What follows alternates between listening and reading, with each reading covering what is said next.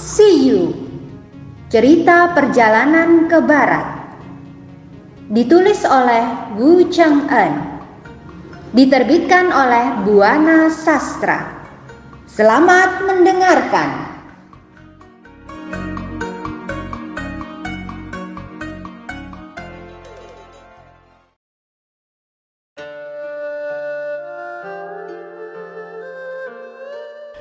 Tanpa terasa, Raja Keratampan telah memerintah Gunung Huakuo selama 15 tahun.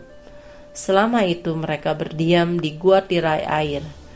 Mereka hidup tentram dan makmur tanpa kurang suatu apa pun. Pada suatu hari, Raja Keratampan mengundang para menteri dan rakyatnya untuk bersidang. Setelah anak buahnya berkumpul, Raja Keratampan mulai berbicara di hadapan rakyatnya. Sebentar lagi hari raya akan tiba. Pada hari itu kita akan mengadakan pesta besar. Karena itu, kuharap kalian bersiap-siap menyambut pesta raya itu. Hore, hore, teriak ya, rakyat kerak. Rupanya mereka sangat gembira mendengar pengumuman itu. Seperti biasa, ketua kelompok harus mencari makanan untuk pesta itu, ujar Raja Keratampan lagi. Baik, tuanku, jawab mereka. Tanpa diperintah dua kali, anak buah Raja Keratampan sudah mencari makanan untuk persiapan pesta yang akan mereka selenggarakan.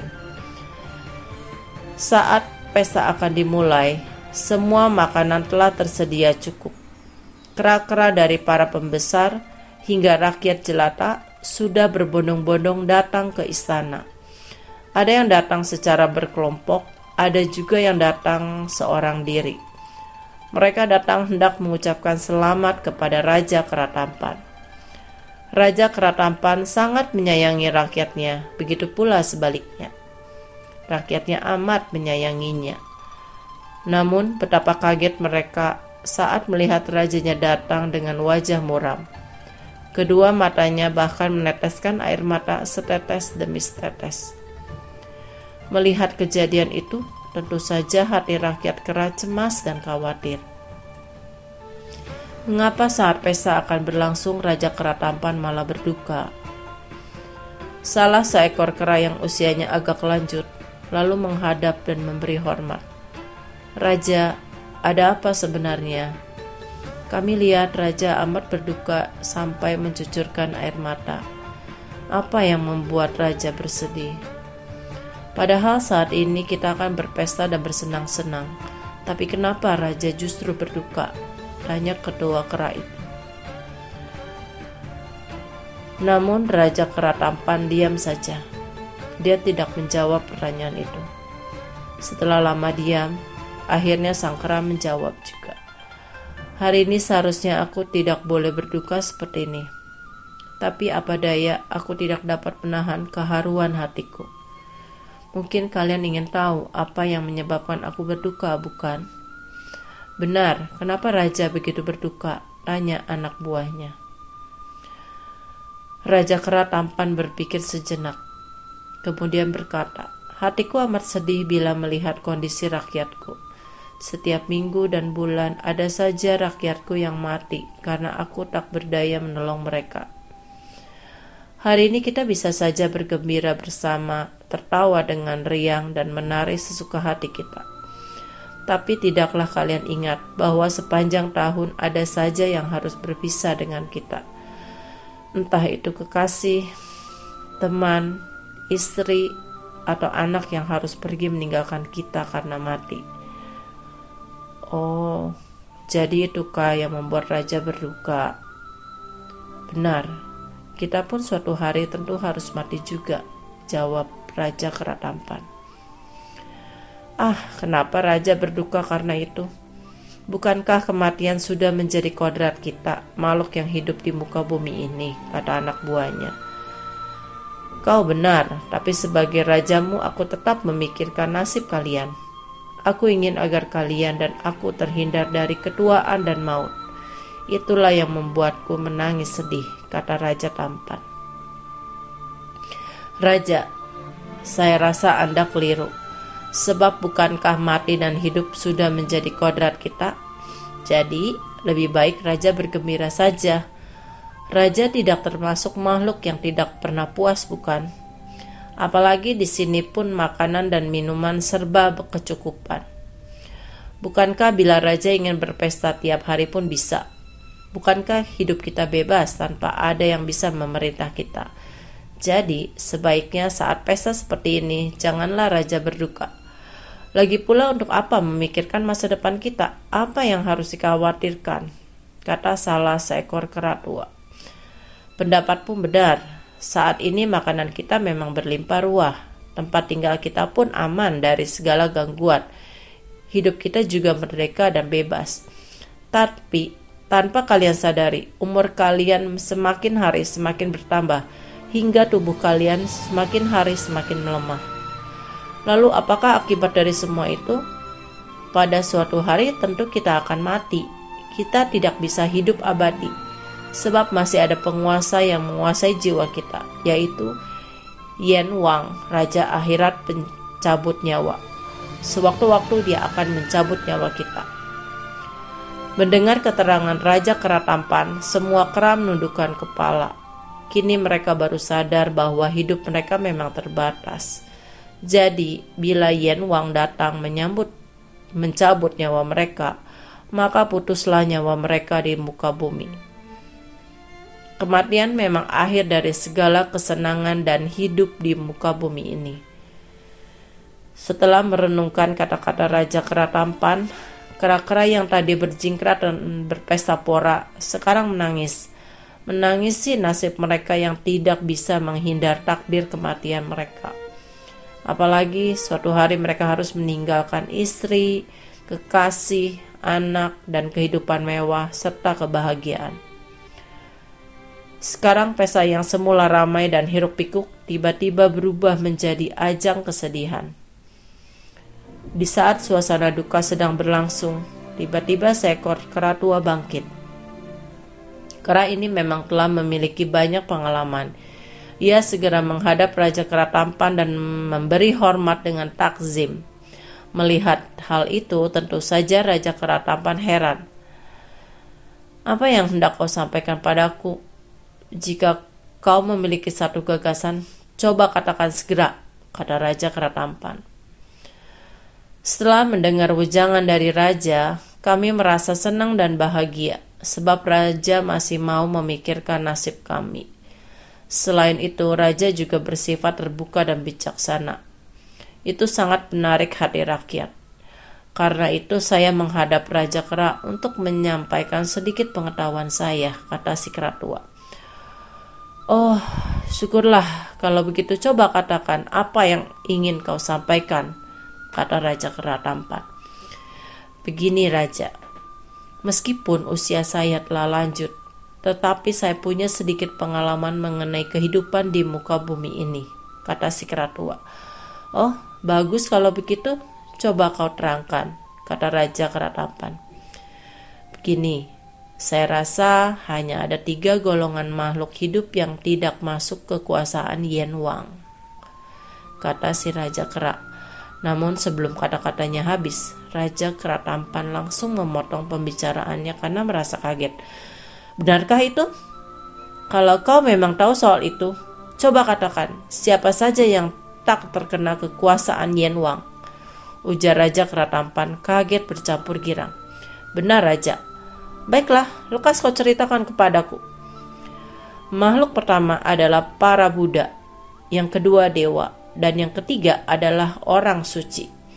Jadi, merekalah yang bebas dari reinkarnasi dan tidak bisa mati. Usia mereka pun panjang seumur dunia, gunung dan sungai-sungai, kata si keratua.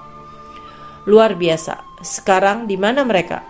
Tepatnya tempat tinggal ketiga golongan itu. Tanya Raja Kera Tampan yang tampak penasaran sekali. Mereka mendiami dunia yang terapung alias di dalam gua-gua tua dan di atas gunung suci, jawab si keratua. Mendengar keterangan ketua keratua itu, Raja Kera Tampan merenung. Syukurlah kalau begitu, ujar Raja Kera Tampan lega. Tapi karena ada makhluk demikian, suatu hari aku terpaksa meninggalkan kalian di sini. Oh, jangan. Raja mau ke mana? Kata kera-kera yang lain. Untuk sementara ini, aku harus turun gunung. Aku akan mencari ketiga makhluk sempurna itu.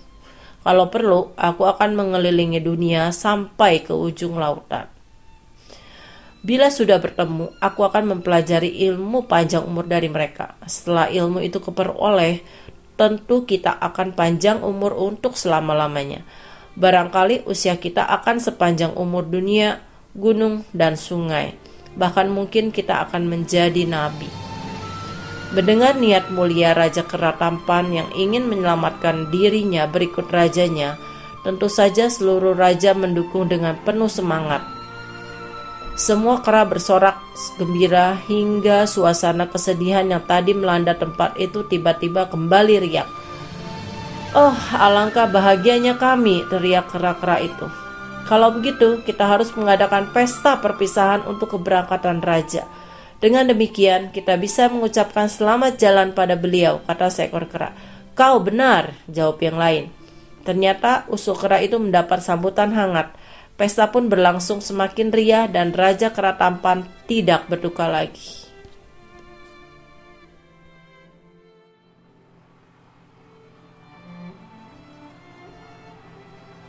Esok harinya, saat subuh, para kera sudah dikerahkan mencari makanan yakni buah-buahan yang lezat rasanya. Selain itu, mereka juga mencari bunga-bunga yang berbau harum sebagai perlengkapan pesta perpisahan yang akan segera dilaksanakan. Setelah segala persiapan selesai, pesta perpisahan dimulai. Malam itu, Raja Kera Tampan duduk dengan riang di tengah-tengah rakyatnya. Di tengah sukaria, Raja Tampan berpamitan pada rakyatnya. Besok, aku sudah harus berangkat mengembara untuk mencari ilmu panjang umur jadi kuharap kalian mau menyiapkan sebuah perahu bagiku. Esok harinya, pagi-pagi sekali Raja Keratampan sudah bangun. Dengan diantar menteri dan rakyatnya, ia pun berangkat menuju tepi sungai. Sebelum berangkat, ia membagi-bagikan tugas serta memberi wejangan kepada anak buahnya. Sekarang aku harus berangkat berkelana mencari ilmu. Aku minta kalian menjaga negeri kita baik-baik. Aku tidak akan kembali sebelum berhasil memiliki ilmu panjang umur, kata Raja Kera Tampan. Kemudian ia naik ke rakit yang sudah dilengkapi bekal makanan dan air minum. Tak lama, rakit itu mengikuti aliran sungai hingga akhirnya memasuki samudera. Perahu bergerak ke arah selatan menuju benua Nanshanpu. Selama pelayaran, Raja Kera Tampan hanya makan buah-buahan yang dibawa dari gua tirai air – Walau dalam perjalanannya ia sering ditimpa gelombang dan badai yang menakutkan, hati Raja Keratampan tetap tabah. Ia mengendalikan rakitnya dengan cekatan. Setelah menghabiskan waktu yang sangat lama, akhirnya Raja Keratampan tiba di sebuah pantai. Ia segera turun dari rakit dan naik ke darat. Setiba di pantai, ia mengawas ke sekitarnya. Ternyata tempat itu dihuni para nelayan tepatnya perkampungan para nelayan. Raja Keratampan menyaksikan beberapa orang nelayan sedang membuat garam. Di tempat lain ia melihat beberapa orang sedang menggarami ikan-ikan hasil tangkapan hari itu. Setelah selesai, mereka menjemur ikan-ikan itu. Ketika Raja Keratampan berjalan menghampiri mereka, para nelayan tampak kaget dan ketakutan apalagi ketika mereka melihat Raja Keratampan pasang aksi. Hati para nelayan agak kecut. Ditambah lagi, monyet itu sebesar manusia. Melihat kera itu, para nelayan berlarian ingin menyelamatkan diri. Mereka lari ke segala arah meninggalkan barang-barang miliknya. Melihat hal itu, Raja Keratampan segera mengejarnya. Salah seorang nelayan yang tak sempat lari akhirnya tertangkap dan ditelanjangi. Kemudian ia mengenakan pakaian orang yang ditelanjanginya. Dengan meniru tingkah laku nelayan itu, Raja Keratampan bergegas meninggalkan kampung nelayan menuju kota. Di kota pun, Raja Keratampan meniru-niru tingkah laku setiap orang yang dilihatnya, hingga akhirnya ia bisa meniru setiap tingkah laku manusia. Selain itu, Raja Keratampan juga mulai belajar bahasa manusia, juga tata krama dan sopan santun manusia. Namun, Raja Keratampan tetap pada tujuan utamanya, yakni mencari para Buddha, dewa-dewa, dan orang suci untuk belajar ilmu panjang umur yang akan dibawanya pulang ke negerinya. Walau Raja Keratampan sudah cukup lama hidup dan bergaul dengan manusia, ia tetap belum merasa puas sebab ilmu panjang umur belum dimilikinya. Selama bertahun-tahun, Raja Keratampan hanya menyaksikan kehidupan manusia mencari uang. Ia merasa kurang puas menyaksikan semua itu sebab ia menganggap tidak banyak kehidupan manusia yang bisa diteladani dan diambil manfaatnya. Di Nanshanpu ini, Raja Keratampan masuk keluar kampung juga ke kota-kota besar. Setelah sembilan tahun tinggal di Nanshanpu, Pergilah ia ke tepi laut dan langsung berlayar ke arah barat. Ia pergi ke sana dengan sebuah rakit hingga akhirnya tiba di Sinyuhe. Tempat ini dinamai demikian karena di sini banyak terdapat niu. Niu berarti kerbau. Raja Keratampan berjalan kaki dengan tekun mencari para Buddha, dewa, serta orang suci. Ia tinggal cukup lama di tempat itu hingga suatu ketika tiba di sebuah gunung yang amat tinggi dengan pemandangan yang indah. Ketika berjumpa dengan berbagai binatang buas, Raja Keratampan tidak merasa takut sedikit pun. Ia terus mendaki gunung itu hingga akhirnya tiba di puncak gunung. Di sana ia menyaksikan banyak tumbuhan rotan dan akar-akar pohon besar. Selain itu, ada juga pohon bambu dan bunga-bunga di tempat ini. Di sekitarnya banyak terdapat burung yang hidup dengan bebas hingga membuat pembanangan alamnya sangat indah. Suara aliran sungai juga menambah kenyamanan dan serasi tempat itu. Batu-batuan di tempat itu licin. Dari atas, Raja Keratampan bisa menyaksikan lembah-lembah yang indah itu. Ia yakin tempat itu dihuni oleh para Buddha, dewa, serta orang suci. Lama ia menikmati pembanangan yang indah itu, hingga akhirnya mendengar suatu suara nyanyian. Nyanyian itu cukup merdu, iramanya juga riang gembira. Setelah lama mendengar suara nyanyian itu, tiba-tiba Raja Keratampan melihat seseorang yang mengenakan pakaian dari cita atau kain tenun dari kapas dan sebagainya yang berbunga-bunga atau berwarna-warni kasar. Tangan orang itu menggenggam sebuah kapak dan pikulan. Melihat orang itu, Raja Keratampan segera mengetahui bahwa orang itu seorang tukang kayu. Rupanya, si tukang kayu sedang mencari kayu bakar. Setelah memperoleh kayu itu, ia menjualnya ke kota dan hasil penjualan kayu itu digunakan untuk membeli beras. Karena si tukang kayu ini sudah memiliki langganan tetap, maka begitu ia sampai di kota, pelanggannya langsung membayar kayunya tanpa menawar lagi. Tukang kayu itu memang seorang ahli kayu, sehingga ia tahu benar kayu macam apa yang diinginkan pelanggannya. Ternyata Raja Keratampan amat tertarik oleh nyanyian yang dinyanyikan si tukang kayu, karena nyanyian itu mengandung arti yang dalam. Dalam syair lagu itu, manusia diajar untuk berbuat jujur, bijaksana, dan baik hati. Selain itu, manusia diajar agar saling tolong-menolong supaya hidup tentram. Hah, ternyata dewa dan orang suci itu ada di sini, pikir Raja Keratampan dengan sangat gembira. Ia segera mencari sumber suara nyanyian itu. Namun ia hanya bertemu dengan tukang kayu yang sedang menyanyi dengan riang gembira. Raja Keratampan segera memperhatikan kondisi si tukang kayu yang hanya mengenakan pakaian dari bahan kain kasar. Saat Raja Keratampan tiba, tukang kayu itu sedang memotong kayu dengan kapaknya sambil bernyanyi riang. Karena menyangka si tukang kayu adalah Buddha, dewa, atau orang suci, Raja Keratampan segera berlutut memberi hormat begitu melihatnya. Dewa, terimalah hormatku. Melihat hal itu, tentu saja tukang kayu kaget. Kemudian ia cepat-cepat meletakkan kapaknya.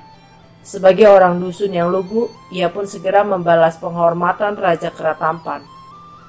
Oh, maaf tuan, aku bukan dewa, tetapi orang biasa. Pekerjaanku sehari-hari saja hanya sebagai pencari tukang kayu bakar. Hidupku juga miskin sekali, kata si tukang kayu dengan jujur. Mendengar ucapan si tukang kayu, Raja Keratampan tampak keheranan. Sambil menggeleng-gelengkan kepala, ia pun berkata, Aku heran, jika kau bukan seorang dewa, kenapa kau bisa menyanyikan lagu dewa-dewa? Sebenarnya apa maksud Tuhan? Aku tidak mengerti, kata si tukang kayu.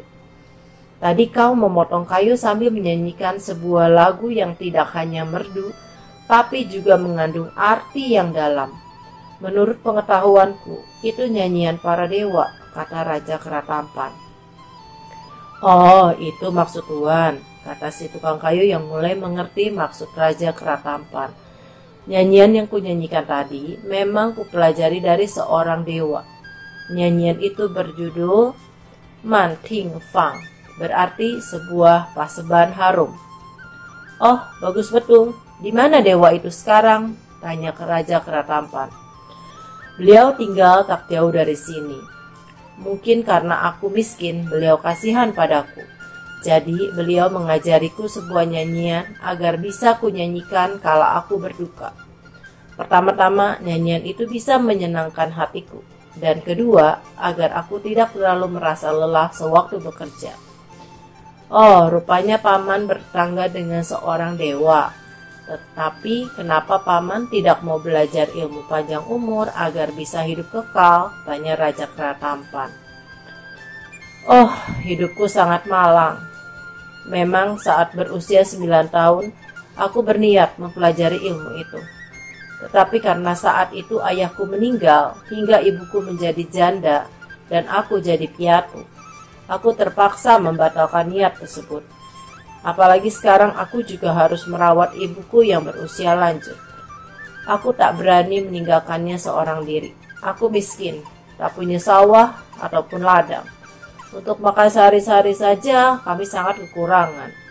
Untuk membeli beras, aku terpaksa menjadi tukang kayu agar hasilnya dapat kujual ke kota. Dengan kesibukan itu, aku tidak punya waktu untuk belajar, kata si tukang kayu memberi penjelasan. Oh, paman sungguh orang tua budiman yang sangat berbakti. Aku yakin di kemudian hari hidupmu akan bahagia. Tapi karena aku sangat ingin belajar ilmu itu, dapatkah paman menunjukkan di mana tempat tinggal dewa itu? Oh, boleh saja. Tempat tinggal dewa itu tak jauh dari sini, jawab si tukang kayu. Nah, sekarang coba kau perhatikan ke sana. Gunung itu bernama Ling Tai Fang Chun. Sang dewa tinggal di gua Xie Yue San Xing, kata si tukang kayu. Terima kasih paman. Tapi siapa nama dewa itu? Tanya Raja Keratampan. Beliau bernama Puti Chu Shi. Murid-murid beliau juga sangat banyak. Bahkan ku dengar sudah banyak yang turun gunung. Sekarang yang masih belajar pada beliau kira-kira tinggal 40 orang lagi, kata si tukang kayu. Oh, terima kasih banyak paman. Tapi jika aku hendak pergi ke sana, aku harus melalui jalan mana paman? Kau bisa mengikuti jalan kecil ini. Bila kau telah berjalan 8 li ke arah selatan, kau akan sampai di depan guanya. Raja Keratampan mengangguk-anggukan kepalanya tanda mengerti. Sesudah mengucapkan terima kasih, ia hendak pergi, namun tiba-tiba Raja Keratampan menarik tangan si tukang kayu. Paman, mari ikut aku. Bila aku berhasil nanti, aku tentu tidak akan melupakan budimu, kata Raja Kera Tampan. Oh, maaf, aku tidak bisa ikut denganmu. Tadi aku memang telah memberitahumu tentang tempat tinggal dewa. Tapi jika aku ikut denganmu, tentu pekerjaanku akan terlantar. Dan siapa pula yang akan mengurus ibuku? Lebih baik kau pergi saja sendiri. Aku akan meneruskan pekerjaanku. Raja Keratampan tidak mau memaksa si tukang kayu. Ia lalu menghaturkan terima kasihnya. Setelah itu, ia segera berjalan seorang diri mengikuti jalan kecil sesuai petunjuk si tukang kayu. Setelah menempuh perjalanan kurang lebih 8 li, tibalah Raja Kera tampan di sebuah tempat yang indah pemandangannya. Di tempat ini tumbuh pepohonan yang sangat indah serta bebungaan yang langka. Demikian pula dengan burung-burung yang hidup di alam bebas. Suaranya sangat merdu dan bulunya indah sekali. Meskipun tempat itu sunyi, tetapi tampak agung. Namun setiba Raja Kera di mulut gua, dilihatnya pintu gua itu tertutup rapat. Untuk melepas iseng, Raja Kera tampan lalu berjalan-jalan. Tak berapa lama, ia tiba di depan sebuah batu besar yang tinggi. Di batu itu terukir tulisan sebanyak sepuluh huruf besar-besar. Bunyi tulisan itu Ling Tai Fang Chun Xie Yue San Xing. Maksud tulisan itu untuk menjelaskan nama gunung dan gua tersebut. Tinggi batu itu sekitar tiga tombak, sedang lebarnya delapan kaki. Ah, ternyata tukang kayu itu orang jujur. Dia tidak berbohong padaku. Gua ini memang bernama demikian, kata Raja Keratampan. Ketika perutnya terasa lapar, Raja Kera Tampan naik ke sebuah pohon ingin mencari buah yang masak untuk mengisi perut.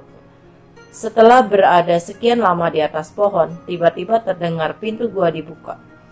Tak lama, Xian Tong atau pelayan dewa muncul di depan pintu gua. Pelayan itu tampan, rambutnya dikepang dua. Hai, siapa kau? Tanya Xian Tong. Raja Keratampan segera melompat turun dan memberi hormat kepada Xiantong. Maaf, kedatanganku ke sini ingin mencari ilmu dan bukan bermaksud jahat atau mengganggu kesucian tempat ini. Mendengar kata-kata Raja Keratampan, Xiantong tertawa. Oh, jadi kedatanganmu ingin belajar, katanya. Benar, kata Raja Keratampan. Guruku baru selesai dan sebentar lagi ia akan mengajar. Tadi sebelum beliau mulai bersemedi, ia menyuruh kami keluar untuk menyambut tamu. Katanya tamu itu akan belajar di sini. Ah, ternyata kau yang guru maksudkan, kata Sientong. Benar, akulah orangnya, kata Raja Keratampan. Mari ikut aku, kata Sientong. Raja Keratampan segera mengambil bungkusannya, lalu ikut masuk ke gua. Begitu Raja Keratampan masuk, ia merasa kagum. Gua itu bertingkat dan sangat indah. Suasananya pun sangat tenang dan nyaman. Di atas panggung terlihat seseorang yang tampak alim sedang duduk. Wajahnya juga tenang sekali. Ternyata orang itulah Putih Chushi. Di kiri kanannya duduk tidak kurang dari 40 orang muridnya. Melihat orang itu, Raja Keratampan segera berlutut lalu mengangguk-anggukkan kepala beberapa kali. Guru, terimalah sembah sujud muridmu. Kedatangan murid kemari untuk minta petunjuk dari guru, kata Raja Keratampan. Dari mana asalmu? Tanya Putih Chushi. Murid berasal dari gua tirai air yang ada di Gunung Huakuo di daerah Aulai di benua Tung Sheng Sen sahut Raja Keratampan. Usir dia, belum lagi kuterima menjadi muridku, dia sudah berani berbohong kepadaku, kata Putih Chushe secara tiba-tiba. Namun sambil berlutut dan mengangguk-anggukkan kepala, Raja Keratampan berkata, Benar, guru, murid tidak berbohong. Ah, kalau kau benar berasal dari Tung Sheng Sen, lalu dengan apa kau ke sini? Dua buah lautan besar memisahkan Tung Sheng Sen dan Nan Shan Pu, kata Putih Chushi. Murid benar-benar berlayar dan menyeberangi kedua lautan tersebut selama belasan tahun, Guru, kata Raja Keratampan. Baiklah, aku percaya keteranganmu. Sekarang coba katakan apa singmu atau marga kamu. Maaf guru, walau murid tidak punya sing, tetapi jika orang memarahi murid, murid tak akan marah. Demikian pula jika orang memukuli murid, murid tidak akan melawan. Murid malah akan meminta maaf karena murid merasa tidak beradab. Bukan sing maksudku, sing ayah dan ibumu, kata Putih Chuse menjelaskan. Maaf guru, murid juga tidak punya ayah dan ibu.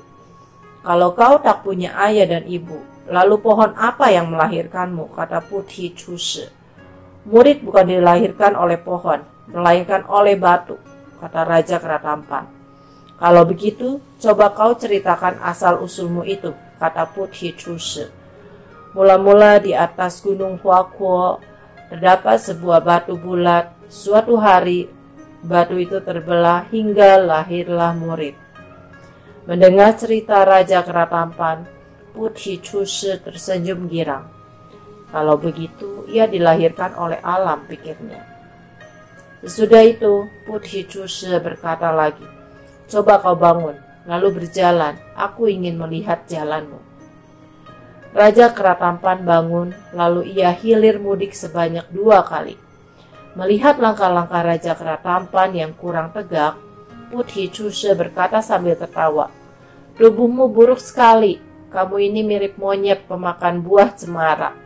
Kalau begitu, akan kuberi marga berdasarkan kondisi tubuhmu, yaitu Sun, yang berasal dari kata Hu Sun, yang dan berarti monyet. Namun huruf sun yang berarti binatang berkaki empat ini akan kubuang bagian kirinya sehingga tinggallah huruf sun yang berarti cucu. Kedua huruf itu bersuara sama. Mendapat marga dari gurunya, Raja Keratampan gembira. Ia mengucapkan terima kasih sambil mengangguk-anggukkan kepalanya. Terima kasih guru, sekarang murid punya marga. Namun, murid juga mohon kemurahan hati guru untuk mencarikan nama bagi murid. Dengan demikian, guru dan orang lain mudah memanggil murid. Nama murid-muridku berurutan berdasar 12 huruf. Jadi, jika kau ingin mempunyai nama, kau boleh menggunakan huruf yang ke-10, kata Putih Chuse. Tolong sebutkan urutan huruf itu guru, kata Raja Keratampan. Huruf itu Kuang, Ta, Zhi, Hui, Zhen, Ru, Xing, Hai, Ying, Wu, Yuan, dan Jie. Jadi, huruf yang ke-10 adalah U, yang berarti kesadaran. Sekarang huruf u akan kutambah dengan huruf kong yang berarti kosong. Maka lengkaplah namamu menjadi Sun Wukong, kata Putih Chushi. Mendengar nama itu, Sun Wukong sangat senang. Kemudian ia berlutut sambil mengucapkan terima kasih berulang-ulang.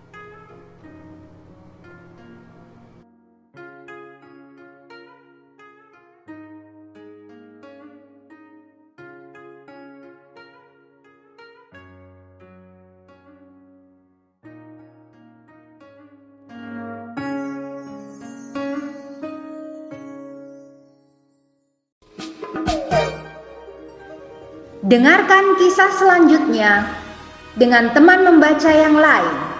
Terima kasih.